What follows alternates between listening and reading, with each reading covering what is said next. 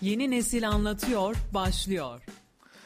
Merhaba sevgili Radyo Radar dinleyicileri. Gençlerin sorunlarının ve isteklerinin konuşulduğu Yeni Nesil Anlatıyor programına hoş geldiniz. Ben Yusuf Mehmet Başkal. Bugün değerli bir arkadaşımla beraberiz. Hoş geldin. Hoş bulduk. Öncelikle seni tanıyabilir miyiz? Ee, merhaba, ben Seray Sever. Erciyes Üniversitesi'nde Sinema Radyo Televizyon bölümü okuyorum. Birinci sınıf öğrencisiyim. Ee, Seray, boş zamanlarında neler yapıyorsun? Boş zamanlarımda genelde e, tiyatro ile ilgileniyorum. Tiyatro provalarına gidiyorum. Resim çiziyorum, müzik dinliyorum, yürüyüş yapıyorum, sporla ilgileniyorum. Kendimi geliştireceğim ve beni iyi hissettiren şeylere vakit ayırıyorum. Peki nerelisin? Ee, İzmirliyim. İzmir'den Kayseri'ye gelmek biraz üzmüş olsa gerek. Yo aslında güzel bir tercihti. Burası beni daha çok olgunlaştırdı. Farklı bakış açıları kattı. Güzel oldu. Hala bir sıkıntı yaşamıyorum şu anlık. iyi gidiyor. Ee, peki e, bir öğrenci olarak Kayseri'deki eğitimden, yani Kayseri'deki olmaktan mutlu musun? Ee, evet bir takım eksiklikler var açıkçası. Pek mutlu değilim. Çünkü bayağı hissediyorum. Çünkü İzmir'de eğitim hayatım bayağı dolu dolu geçmişti. Burada süreç biraz daha ağırdan gidiyor. Birazcık toplum algısı var. Öğrenciler pek rahat ve esnek davranamıyor. Ama Yani yine biraz de iyi. sosyal hayat anlamında Evet. aslında e, kısır bir yer. Peki e, sence Seray e, bir çocuğun eğitimi ailede nasıl başlamalı? Ee, bir çocuğun zaten ilk e, eğitim almaya anne karnından başlıyor genelde çocuklar. O zamandan, o dönemden sonra o oluşum başlıyor. Çocukların e, sevgi içerisinde büyümesi bence çok önemli. Çünkü sevgi dünyadaki en güzel şey olduğu kadar da en tehlikeli şey. Eğer eksik yetiştirirsen e, şu anda sokakta birçoğumuzun rahatsız bulunduğu tiplemelere dönüşebiliyorlar. Her şey için geçerli. Çocuklar sevgi ve saygı ortamında büyümeli. Aile bireylerinin onları anlayış içerisinde özgüvenli bir şekilde yetiştirmeleri gerekiyor. Fakat günümüzde bu pek de mümkün değil. Çünkü zaten ebeveynler 45 saat çalışması gerekirken totalde 60 saatten fazla çalışıyor haftada. Kalan zamanlarında çocuklarla vakit geçirebiliyorlar. Bu yüzden çok fazla eksikliğini hissediyoruz. Aslında hani ebeveynlerin çalışmasından daha çok bu teknolojiyle de birazcık değişti açıkçası. Yani teknolojinin iyice gelişmesiyle birlikte e, aslında ebeveynler de teknolojiye ayak uydurdu. Uydurdu, evet. Bununla beraber e, telefonlardaki birçok e, uygulamalarla birlikte çocuklar oyunlara, aileler Instagram'a, Facebook'a ve Twitter'a bu tarz şeylere yöneldi. O da birazcık tabii ki bu değişimi sağlamış ol- olabilir diye düşünüyorum. Peki e, sen öğrenci olarak e, Türkiye'de neleri değiştirmek istersin? Açıkçası ben öğrenci olarak eğitim sistemini sıfırdan yaratmak isterdim. Çünkü çok orantısız, çok zorlandığımız noktalar var. Eğitim sistemini yeterli bulmuyorum. Ee, çok da geniş çaplı bir adaletsizlik söz konusu. Bunu da değiştirmek isterdim. Ee, adaletsizlik eşitsizliği doğuruyor. Bu da refah seviyesini düşürüyor. Ülkedeki genel huzuru kaçırıyor ve insanların toplum içerisindeki e, saadetini bozuyor. Eğitimsizlik ise zaten kör insanları yaratıyor. İnsanları biat kültürünü alışkanlık haline getiriyor. Bu da çok yanlış. Bu iki teknik konuyu değiştirmek isterdim. Aslında güzel yani bu iki konu ama hani onun dışında mesela öğrencilerin yani baktığın zaman gençlerin sence en büyük sorunu ne? Um, ekonomi. Yani Bu arada duyduğum bütün cevaplar bu. Yani son 10 programdır ben bu cevabı duyuyorum. Ekonomi, ekonomi, ekonomi. Bize birazcık Sorun- açar mısın? Ne gibi sorunlar yaşıyorsun? Ee, şimdi durum şöyle, e, ekonomi ve işsizlik yani aslında temel problem. İşsizlik, işsizlikten yaratılan, yaratılan sorunlar var. Ekonomik özgürlüğümüz yok. Devletimize sağladığı döner sermaye ya da herhangi bir burslu sistemimiz yok. Zaten biz borçlu mezun oluyoruz her birimiz mezun olduğumuzda. Ee, gezmek istiyoruz, öğrenmek istiyoruz. Ee, öğrenme kabiliyetimizi esnetecek faaliyetlerde bulunmak istiyoruz. Bütçemiz uymuyor. Bizim bütçemiz sadece o aylık nefes almamıza yetecek kadar bir maliyette yetebiliyor çoğu öğrenci için. Bu durum hepimize problem. Eğitimde de en büyük eksikliği bu yaratıyor zaten. Üniversite gençleri e, yurt dışına gitmek istiyor, bilgi öğrenmek istiyor, dil eğitimi almak istiyor ya da atıyorum enstrüman çalmak istiyor. Bunların hepsi mali değere sahip şeyler ve öğrenciler de tabii ki sadece yaşayabiliyorlar. Derse gidip dersten çıkıyorlar. Bu da teknik sorunları oluşturuyor. Aslında günü kurtarmaya Bunu çalışıyorlar kurtarmaya demek istiyorum. Evet. Peki e, en çok merak ettiğim konu birçok öğrenciye tabii ki bunu sordum. E, 10 yıl içerisinde, 10 yıl geleceğe gidecek olursan kendini nerede görüyorsun? Ee, güzel. Açıkçası kendimi nerede değil de ülkeyi nerede gördüğüm daha önemli benim için bu konuda. Çünkü ülke eğer ilerleme kaydetmediyse benim bir başarı sahibi olmamın da pek bir söz ya da anlam ifade etmiyor. Ee, ben büyükelçi olmak istiyorum. ileriye dönük bir şey yaptığımda e, hukuku bitirmiş, hukuk okumuş ve mezun olmuş. Büyükelçilik konusunda belirli kendimi geliştirmeye başlamış olmak istiyorum. E, ben yine işte devlet çaplı çalışmayı planladığım için bu yüzden ülkeyle orantılı gidiyor benim de gelecek hayallerim. Peki ikinci üniversite olarak hukuk mu okumak istiyorsun anladığım Evet. kadarıyla? Aslında güzel bir düşünce.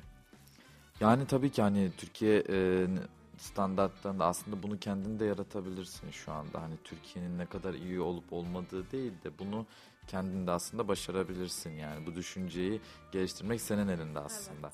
Yani Türkiye'nin nerede olduğu değil, senin nerede olduğun önemli. Türkiye geliştirecek de zaten biz gençleriz baktığınız zaman. Yani evet o da öyle ama ülkenin sana sunduğu standartlar çok önemli. Eğer ülke sana olanak sunmazsa geliştirmek için herhangi bir teknik çaba sarf etsen bile bir sonuca varamıyorsun. Ve bu da yerimizde saymamıza neden oluyor. Bundan ötürü öyle bir geniş çaplı cümle kurmuştum.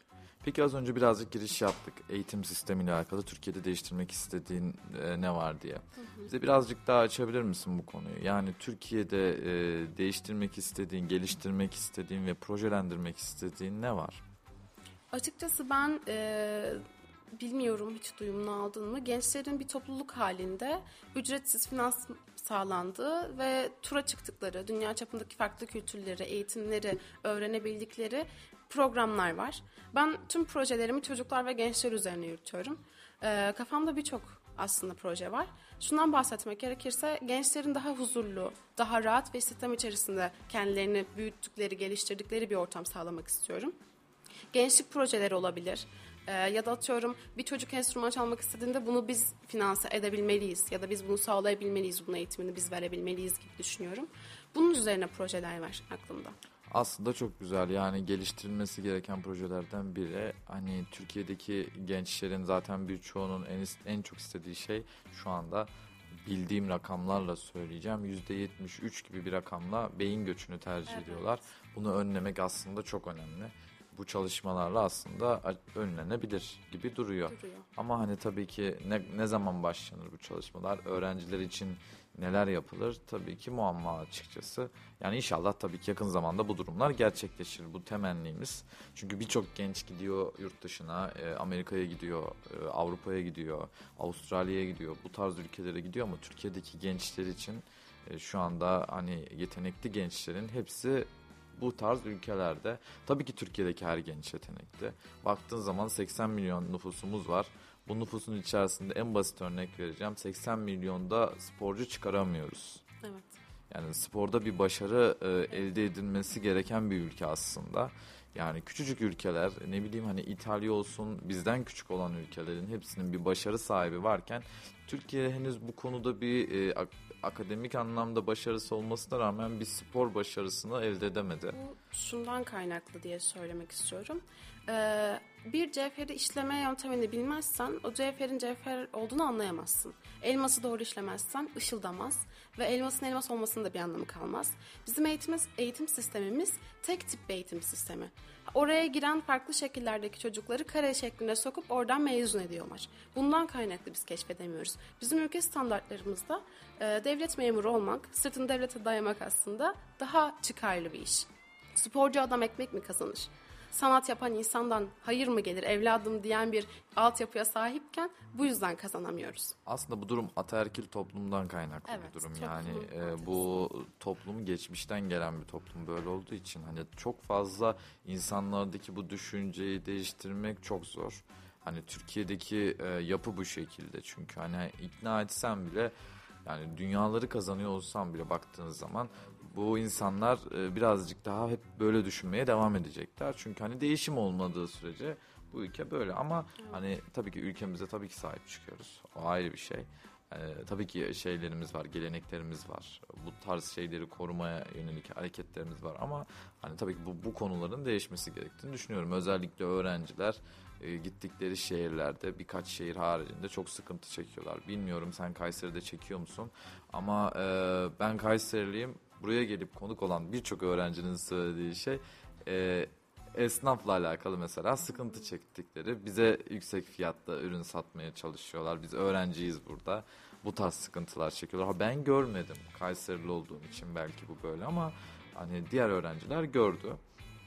Sadece e, fiyattan değil, giydiğin kıyafetten de teknik sorunlar oluşuyor. Yani burada sokakta yürüdüğünde bir amca, bir teyze bile durdurup ben ilk geldiğimde de başıma gelmişti. Kızım bu üstündeki ne diye sormuştu mesela bir teyze otobüste.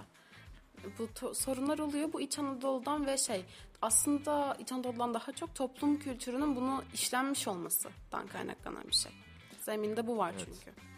Yani inşallah tabii ki bazı yani düşünceler değişir. Herkes yani bütün insanlar birbirine saygı içinde yaşamayı öğrenirler tabii ki. Ya peki sen e, en çok merak ettiğim konu ailede hiç kuşak çatışma, çatışması yaşıyor musun? Hayır. Yani mesela babanla arkadaş gibisin gibi misindir yoksa e, baba kız ilişkisi mi vardır? Bizde sadece annemle anne kız ilişkisi vardır. Babamla biz yakın arkadaş gibiyizdir. Bizde hiç öyle şeyler olmadı. Ben büyürken de olmadı. Benim her zaman en yakın arkadaşım babamdı. Her zaman kendime yakın hissettiğim bir sorunum olduğunda koştuğum ilk e, çatım babamdı. Annem de birazcık otoriterdir. Çünkü o yaşadığı toplumdan kaynaklanan bir şey. Kültürel değerlere çok önem verir. Hani toplum statüsüne çok öncelik tutar yani. İşte sen bir hanımefendisin, hanımefendi gibi yaklaş. Öyle davranma, böyle olması gerekiyor gibi. Çok otoriter yapısı olduğu için ondan kaynaklı anneme daha çok anne kızız ama annemle de yakın arkadaş hissediyorum. Ama babamla olduğu kadar değil. Babam daha çok yakın arkadaşım gibi. Aslında e, bu güzel ailede yakın arkadaş gibi bir ilişki içerisinde olunması. Tabii ki ama saygı Kuşak çatışma, çatışması yani çok sıkıntılı bir durum. Çünkü şu anda gençlerin aslında yaşadığı birçok sor- sorundan biri. Yani bugün teknolojiye gömülüyorsa bir genç e, bu bundan kaynaklı aslında. Hani te- teknolojiye gömülmüyor gömülmemiş olsa zaten bu kuşak çatışması çok yaşanmaz. Özellikle şu anda Z kuşağı dediğimiz dönemle e, anne ve babalar çok çatışabiliyor. Çünkü düşünceler farklı. E, gördüğünü yapma var Z kuşağında ama diğerlerinde yok. Hani O şeyden kaynaklı. Şimdi Z kuşağı bilgiye çabuk erişiyor. Doğruluğunu teyit etmek onun 10 saniyesini alıyor elindeki telefon ya da bilgisayar uygulamasından. Ama ailede e, gelenek töre dediğimiz sürekli bu gelenekleştirilmiş davalar söz konusu. Hani bende doğru olan buydu bunu yapacaksın der ama sen onu nereden öğrendin diye sorgular Z kuşağı. Gider doğrusunu araştırır gelir doğrusunu öğrendiğini yapar. Bunu sürdürür. Birazcık da dik başlılığımızdan kaynaklı aslında. Tüm Z kuşağında bu bahsettiğim. Yani evet aslında tabii ki yani dik başlı olmak mı yoksa e, sakin mi kalmak yani ben sakinim mesela hani tabii ki ben Z kuşağı değilim o ayrı Ben bir durum da E, ama hani bazı görüyorum çevreden özellikle mesela benim yeğenlerim daha küçükler hani 14-15 ya- yaşlarında falanlar ama acayip bir şekilde teknoloji bağımlılığı var. Teknolojiden her şeyi 10 dakika içerisinde dediğin gibi 10 saniye içerisinde falan öğrenebiliyorlar. Ama hani bu bizde tabii ki böyle değildi yani. Biz ilk öğretimdeyken e, elimizde telefonumuz yoktu. Şu anda en lüks telefonlar çocukların elinde. Doğru mu? Açıkçası ben doğru bulmuyorum. Yani çünkü çocukların çocukluğunu yaşaması gerektiğini Gerektiğini düşünüyorum. E, ve çocukların o, o zamanı yaşayıp çocuk olmaları gerektiğini düşünüyorum. Yarın öbür gün çocuk olmadıklarını söyleyecekler çünkü. E, ellerinde telefonlarla e, her yerde gezebiliyorlar. Ya ben de Tabii ki gezebilirler. Bu ayrı bir şey ama asıl mevzu buradaki asıl e, sorun zaten telefonla gezmeleri değil teknolojiye bağımlı olmaları. Aslında onun dozu çok iyi ayarlanmalı. Bu da yani buradaki sorumluluk aileye düşüyor bir nevi. Ee, evet çocuklar çocukluğunu yaşamıyor. Bunu çok net görüyoruz zaten. Ama teknoloji çağının içerisindeyiz. Yani şu anda evet 14 yaşındaki bir çocuk evcilik ya da oyun oynamıyor ama coin yaparak ya da atıyorum online üzerinden bir iş yaparak kendi hayatını kazanmaya çalışıyor. Hani bunun getirisi olduğu kadar götürüsü de var. Önemli olan onu orta statüde tutmaya çalışmak yani.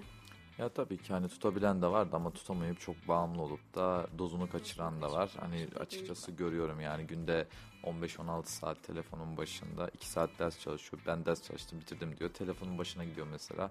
Böyle çocukları görebiliyorum açıkçası. Ama bu beni üzüyor. Yani biz bağımlı değildik telefona. Hala da değilim açıkçası yani.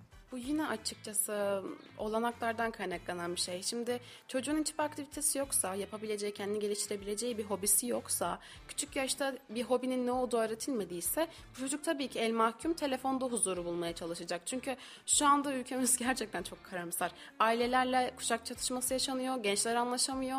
Nereye gideceğini şaşırıyorlar. Kötü alışkanlığa düşmektense telefonla ilgilenmeyi tercih edenler var. Bunların hepsi aslında birbirini doğuran sonuçlar. Hani e, nereden baktığımıza göre de konunun bakış açısı değişiyor açıkçası. Evet aslında gençlerin de şu anda yani birçoğu karamsarlık içinde. Yani son zamanlarda da bir e, Türkiye'de garip bir durum söz konusu.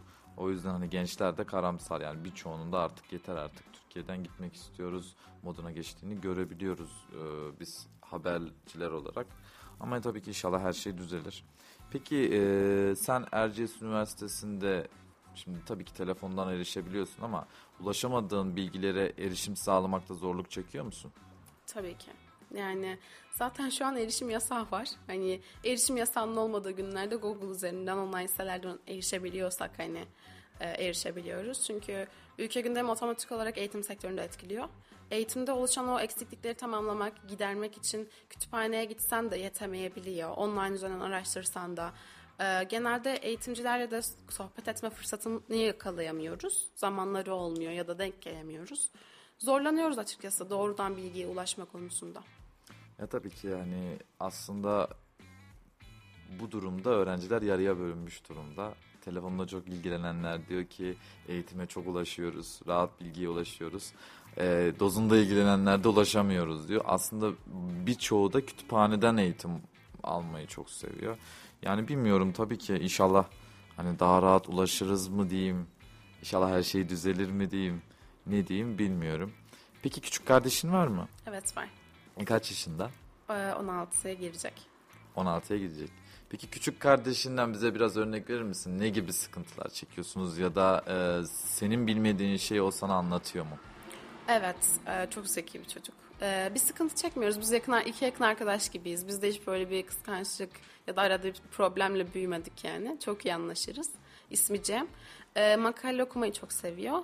E, bu e, yurt dışındaki işte Oxford'un belirli üniversitelerin yayınladığı makaleleri araştırıyor, okuyor ve e, bilim kurguya da çok meraklı, bilime çok meraklı. Her gün, her hafta uzak olmamıza rağmen en az iki buçuk üç saat konuşuyoruz telefonda ve anlatıyor. Ben bu hafta bunu öğrendim, bunu yaptım. Aa gerçekten biliyorum. Bazen çok hayret ediyorum. Mesela bu e, devletler arası anlaşmazlıklarla alakalı araştırıyor. Ya da atıyorum bir ekonomik, neden ekonomi bu halde onu araştırıyor. Bahsediyor ve bazı konuları o kadar kalıcı ve insanı e, net bir şekilde pürüzsüz anlatıyor ki ben bile şaşırıyorum hani gerçekten bunu biliyor mu ya hani o biliyor o ulaşabilmiş de ben bu bilgiye nasıl ulaşamamışım diyorum yani. Aslında hani makale okumak yani 16 yaşında bir çocuğun özellikle Oxford'un makalelerini okuması çok ilgi çekici bir durum. Çünkü makale dili çok zordur. Oxford hı hı. ve Cambridge'in makale dilleri. Ee, o makaleleri okumak da gerçekten Asosyal. zor yani. Şimdi şöyle bir detay var. Asosyal bir çocuk. Yani şey arkadaşlık edinmeye çalıştı belirli bir dönemde. Daha sonra baktı ki onlarla aynı kafa yapısına sahip değil ve zorlanıyor. Hani uyum sağlamakta zorlanıyor. Daha sonra bir dönem içine kapandı. Onu kırmak bize özellikle de benim üstüme düşen bir yüktü aslında bir nevi yük de denmez. Zorlandık ve sonra onu aştık. En azından şimdi insanlarla iletişime geçiyor ama daha çok hani bilgiye, araştırmaya vakit ayırıyor. Buna yönelik çalışıyor. Çünkü kendini geliştirmek istiyor. Hani oturduğu yerden sadece bilgisayar oyunu oynayarak hayata devam etmek istemiyor. Bu da birazcık aileden kaynaklanan bir şey. Bizde hepimizde vardı. Sanırım ona da bulaştı galiba. Yani işte dediğin gibi çok güzel bir şey söyledin. Yani bilgiye ulaşmak istiyor. Hani 16 yaşındaki bir çocuğun oyunu tercih etmeyip makaleyi tercih etmesi çok farklı ve güzel bir şey aslında. Yani hani günümüz Türkiye'sinde de zor bulunan bir şey. Çünkü çocukların hepsi oyuna bağımlı olduğu için genel anlamda hani telefonda yani günde 15 saat telefonla oynuyorlar mesela. Hani gerçekten çok o, uzun bir süre geçiriyorlar. Evet. Ama hani bilgiye ulaşmak ya bahsettiğin şey çok zor mesela Oxford'un evet. makalelerini okumak yani gerçekten kolay bir şey değil. E, benden kaynaklanan bir şey sanırım. Biz Cem'le Covid döneminde çok çok fazla yakınlık e, mesafede bir zaman sürecimiz oldu. Ben sürekli araştırmayı sevdiğim için bir bilgiyi bilmiyorsam onu öğrenmeye tercih ettiğim için onda da merak algısı uyandı.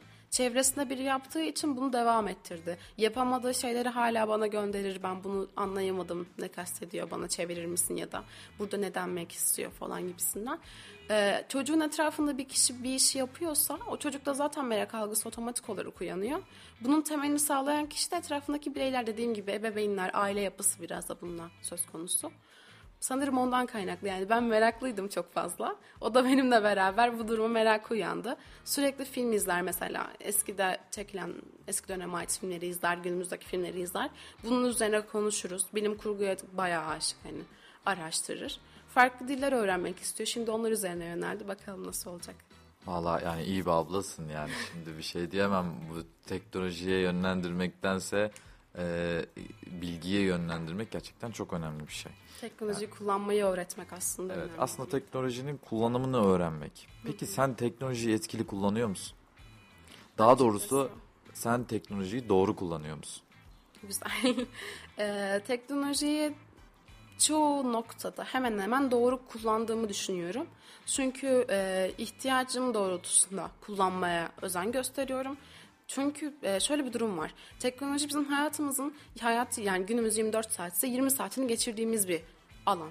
4 saatte de uyuyorsun zaten artık hani. Ben ihtiyacım oldukça ona erişim sağlamayı tercih ediyorum. Yoksa hani kendimi geliştirecek vaktim kalmıyor. Beni uyutuyor. İnanılmaz bir alanı var ve sürekli Instagram'da gezip e, reels beğenmek ya da onu işte araştırmak, onun üzerinde işte müzik dinlemek falan. Evet bir yere kadar iyi ama bir yerden sonra seni köreltiyor. İnanılmaz kör bir insana dönüşüyorsun. Bildiğin ve öğrendiğin bilgiyi de unutuyorsun. Bu süreçte hani körelmemek uğruna dediğim gibi hani makale okuyorum, araştırıyorum ya da boş zamanlarımda tiyatroya gidiyorum. En az teknolojiyi nasıl ihtiyacım varsa o şekilde kullanıyorum. Kalan zamanımı da kendime yöneltmeyi tercih ediyorum. Peki az önce tiyatrodan bahset. Tiyatroya da aslında giriş yaptın. Ee, peki tiyatroda şu ana kadar Kayseri'de herhalde başladın tiyatroya. Yani daha önceden de mi var? 9 yaşımdan beri tiyatro oyunculuğu yapıyorum. Evet. Ee, çok iyi. Peki şu anda kaç oyunda oynadın ortalama? O güzel soru. 200'den fazla oynamışımdır. Yani onu bir süre sonra sayamıyorsun çünkü turneye falan çıktık biz. Ee, şimdi de eski çalıştığım toplulukta turne düzenleniyor Almanya'ya doğru. Oradaki gurbetçilere birazcık oyun oynanacak sanırım. Onun üzerine bir şeyler var. Kayseri'de de geldiğimden beri 5 4-5 tane de sahne almışımdır. Şimdi bir diğerine hazırlanıyoruz. Peki e, Kayseri'de tiyatroya olan ilgi nasıl? Ay çok az, yetersiz. Yani tiyatro onlar için farklı bir bakış açısına sahipler tiyatroya. Yani bilemiyorum. Bu sanırım benim büyüdüğüm coğrafyadan kaynaklı tiyatro aşığı olmam ve oyunculuğu ge- gerçekten seviyorum. Sahne benim kendimi keşfettiğim bir alan ve kendimi kısıtlamadığım, topluma uyum sağlamak zorunda olmadığım, tüm aykırılığımı orada kullanabildiğim bir alan. Ee, burada ise toplumda ön yargılar çok fazla var. Ee, gelen giden yine oluyor. Yapmak isteyenler oluyor. Nasıl başlayacağını bilemeyenler oluyor. Bu da dediğim gibi toplum çok önemli bir faktör. Yani sanatçıya sanatçıdan adam mı olur? Ekmek parası kazanamaz o ideolojisine bakıldığı için gençler de otomatik olarak bundan etkileniyorlar. Çünkü günümüz Türkiye'si kısıtlı şu anda.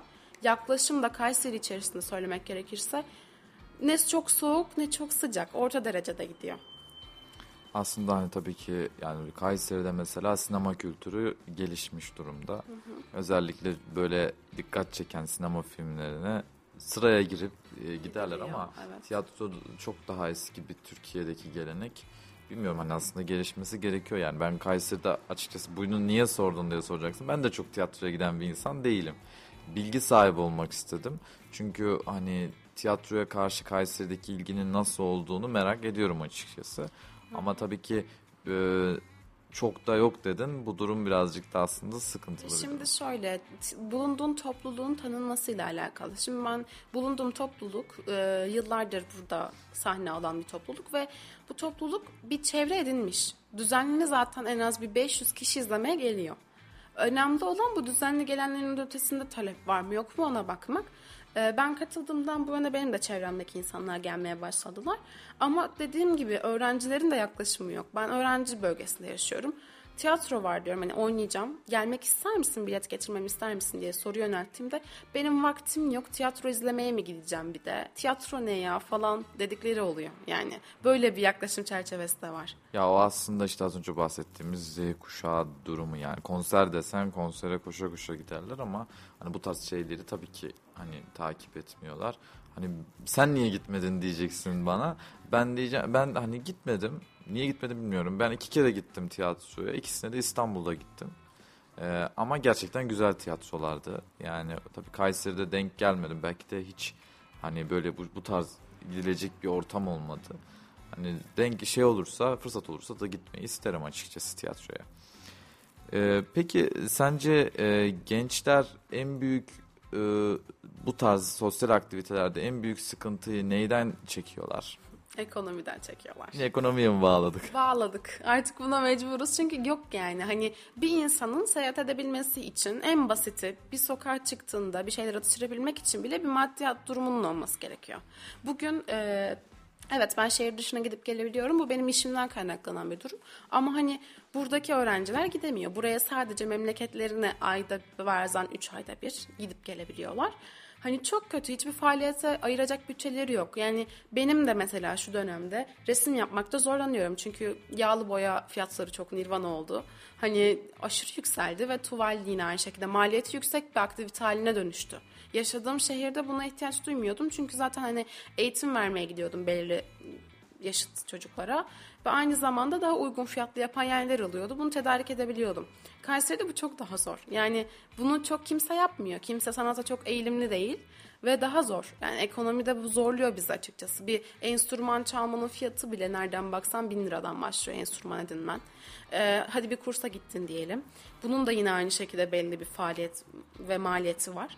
Ee, bu sürece ayak uydurmak zaten çok zor. Zaten bizi bu mali güç devirdiği için, maddiyatımız olmadığı için daha çok Z kuşağı online ve telefona yönelen bir birey oldu. Ya aslında Z kuşağı olarak da sınırlandırmamak lazım. Türkiye'deki birçok gencin Gencin en büyük öyle. sorunu bu şekilde. Hani işsizlikle beraber gelen e, para sıkıntısı. Bu hani çözülmesi gereken bir durum aslında ama e, bunun üzerinde tabii ki çok çalışılıyor. Neler yapılması gerektiği e, ölçülüyor, tartılıyor. Ama tabii ki daha çok şey yapılması gerektiğini düşünüyorum. Yani sonuçta gençler bu ülkenin geleceği. Yani şu andaki 55 yaş üzeri bundan 40 yıl önce nasıl bu ülkenin geleceği ise şu andaki gençler de bu ülkenin 40 yıl sonraki geleceği gibi Gençlere yatırım yapılmalı. Ben de aynı şeyi düşünüyorum. Bir de e, faaliyetlere yönelmemelerinin bir teknik nedeni şu. Yine ekonomiyle alakalı zaten. Benim sınıf arkadaşlarımdan bahsedeceğim. Biz e, kendi kulübümüzün kurduğu bir sinema gecesine bile gidemiyoruz. Çünkü saat tu- tutmuyor ve arkadaşlarım dersten koşa koşa çıkarak çalıştıkları yerlere yetişmeye çalışıyorlar. Yani ekonomi bizi bu hale getirmişken aslında yaşıyor olmamız bile bir mucize. Yani tabii ki tabii ki her zaman bir e, umut vardır. Yani umut e, derler ya umut fakirin ekmeği diye. Ekmeğidir gerçekten Ee, öyle. O yüzden hani e, öğrenciler için de her zaman umut var. Kendini geliştirebilirsin. Ya benim bugün gördüğüm e, X bir markette e, reklam olmasın diye söylüyorum. X bir markette tanıdığım biri var. E, kendisi mühendis ama şu an kasiyerlik yapıyor. Dedim ne işin var senin burada? Dedi iş bulamadım. Hani Türkiye'deki aslında en büyük sorun şu an bir işsizlik, iki ekonomi bahsettiğin. Ama gençler de bunun üzerine açıkçası çok fazla bir çalışma sergilemiyor. Tabii ki sergileyenler vardır. Tabii ki bu işin gelişimine katkı sağlayanlar vardır. Ama bazıları umutsuzluktan, mutsuzluktan pes etmiş durumdalar. Gençler şimdi şöyle bir durum var. Ee, gençler e, mühendislikten örnek verdiğin için buradan devam edeceğim. Mühendis olmak isteyen bir insan rahat bir 15-20 yıllık bir süreçte eğitim görüyor, kendini geliştiriyor, yüksek lisansa gidiyor, geliyor falan. Ve bu işin sonunda buraya geldiğinde tabii ki de adam kendi edindiği meslek bilgisi üzerine bir işte çalışmak ister. Yani e, mahalledeki teyzelerin söylediği gibi siz iş beğenmiyorsunuz diyorlar ya aslında sistem bu değil. Hani e, şu an zaten mülteci problemimiz var bizim çok yüksek derecede var ve bizim Türk gencimizin çalışabileceği tüm payda da ucuz işçilik olduğu için onlar dolduruyor. E, bundan kaynaklanan zaten bir ton işsizlik problemimiz var. İşsizliğin de peşinde getirdiği geçim sıkıntısı, huzursuzluk, işte karamsarlık, artık umudumuzun da tükenmeye başladığı ufak ufak hani çiğ çiğ gittiği noktalara geldik. Ee, insanlar okuyor. Yıllarca bunun üzerine eğitim alıyor. Neden gelip e, eğitim aldığı alanda iş yapmak varken başka bir alanı tercih etsinler? Bu yüzden bir süre işsizlik devam ediyor. Sonra artık gerçekten yaşı, erişkinliği artıyor. Annesine babasına karşı çekingesi başlıyor ve dediğin gibi mühendis olan, doktor olan, doktorları zaten hiç girmeyeceğim. Mühendis olan başka hukuk okuyan insanlar e, kasiyer oluyorlar. Başka bir bölüm mezunu olan insanlar atıyorum. Bir yerde rafta çamaşır katlıyorlar, temizliğe gidiyorlar. Bunlar çok olası şeyler yani. Ya bu arada tabii ki kasiyerlik tabii ki kötü bir Kötü meslek, meslek değil, kesinlikle. Yani tabii ki ekmeğini kazanmaya çalışıyorsun. Bu ayrı bir şey ama tabii ki diploma mezunu olan bir insanın, diploması olan bir insanın İşini yapması e, gerek. işini yapması gerektiğini düşünüyorum. Tabii ki Türkiye'de her diploması olan, mesela bizde bile gazetecilikte bile bizde şu anda en popüler şey alaylı olmak. Yani diplomalı olmaktan bir yana alaylı gazeteciler zaten ön planda.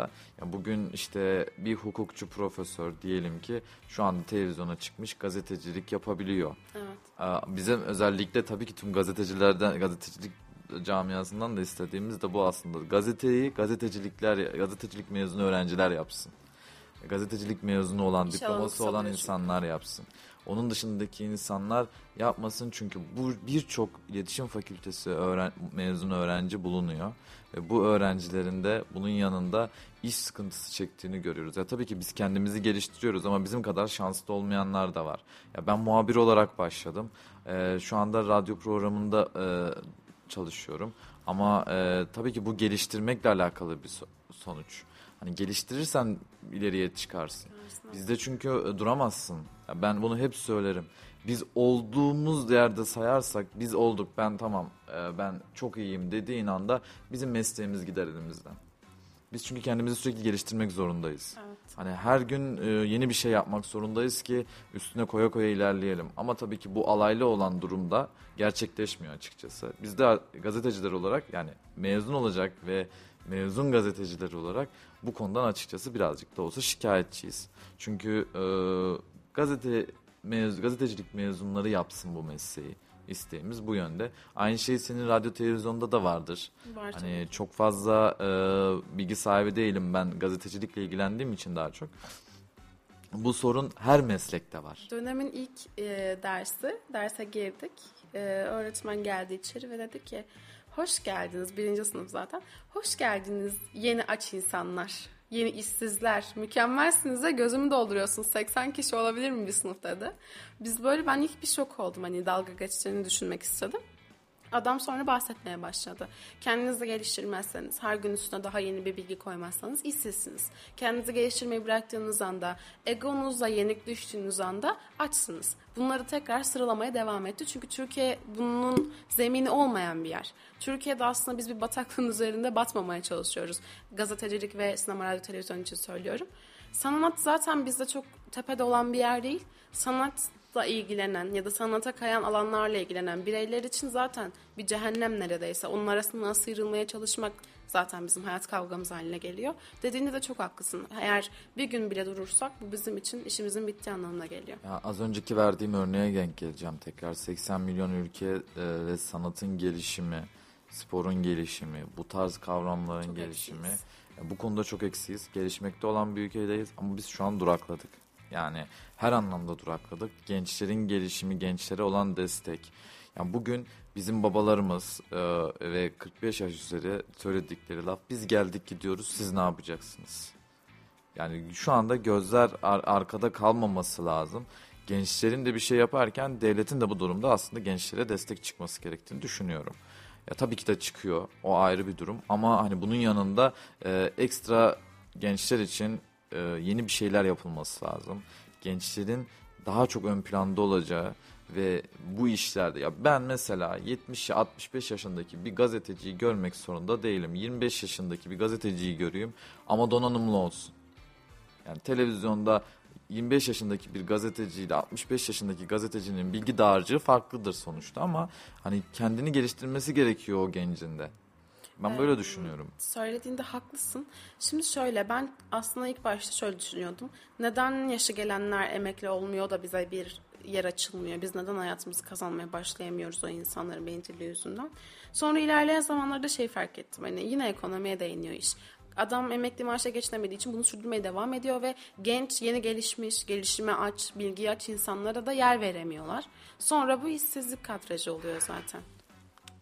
Yani tabii ki inşallah bazı şeyler tabii ki değişir ülke gündeminde ama hani gençlerin değer görmesini istiyorum açıkçası. Yani e, peki e, tiyatro dışında yapmış olduğun başka bir sosyal aktiviten var mı? Evet, buz pateni yapıyorum. Ee, burada Kayseri'de pek olanaklar kısıtlı ama olsun. Buz pateni ekmeye çalışıyorum düzenli olarak işte provalardan kalan vakitlerde. Aynı zamanda ilgilendiğim belirli iş alanlarım var. Kendimi geliştirmek üzerine yaptım. Ee, enstrüman çalıyorum. Hangi enstrümanı çalıyorsun? Piyano ve gitar. Piyano aslında iki farklı enstrüman o ya. Birbirinden çok farklı Alakası enstrümanlar. evet. Ya ben aslında şey 5 yaşından beri saz eğitimlerine gidiyordum. Ondan sonra sazdan sonra gitara geçtim. Piyanoyu da çok çalmayı öğrenmeyi istiyordum. Ona da ayrıyeten yöneldim zaten. Nasıl oldu bilmiyorum ama o şekilde gelişti. Dil öğreniyorum aynı zamanda. Yeni diller katmaya çalışıyorum. E, hangi dilleri öğreniyorsun? Ee, İngilizce ve Korece biliyorum. Şu an Japonca üzerine geliştirmek istiyorum kendimi. Gelenekleri ve kültürleri çok dikkatimi çekti o yüzden onun üzerine. Tabii Japon, Kore, e, ya tabii bilmiyorum Çin kültürünü merak ediyorum. Asya evet. E, bu üç kültür zaten birbirine çok yakın bir kültür yani Japon, Kore, Çin kültürü. Hani bilmiyorum aslında zor diller. Yani çok fazla alfabeleri var. Özellikle e, Japonların e, Evet. acayip geniş bir alfabesi var. Değil Evet. aslında ya. Hani bu şey ilgi alanıyla alakalı bir durum. Yani ilgin varsa zaten kesinlikle öğreniyorsun onu. Aslında baktığım zaman birçok gencin şu anda takip ettiği e, şeyler uzak doğu. Yani Kore, Japon, Çin. Yani Çin daha çok değil ama Kore ve Japon kültürünü çok e, inceliyorlar. Aslında çok ilginç. Ya biraz da keşke Türk kültürünü inceleseniz yani bu konuda. Ya biraz aslında o şey abartısız, modern, teknoloji çok iyi kullanan ama aynı zamanda soft bir yaşam sürdüklerine için. Tabii ki. Bu dikkat çekiyor aslında kültür olarak.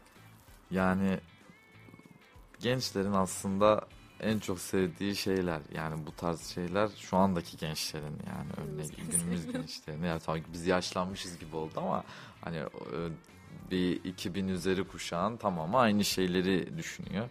Bunların tabii ki yani kim nasıl mutluysa öyle yaşaması gerektiğini düşünüyorum açıkçası ama bunun yanında tabii ki değişmesi gereken şeyler de var. Yok değil. Ee, evet sevgili Radyo Radar dinleyicileri Yeni Nesil Anlatıyor programı burada sona erdi. Ee, bir sonraki hafta görüşmek üzere. Hoşça kalın, sağlıklı kalın, esen kalın.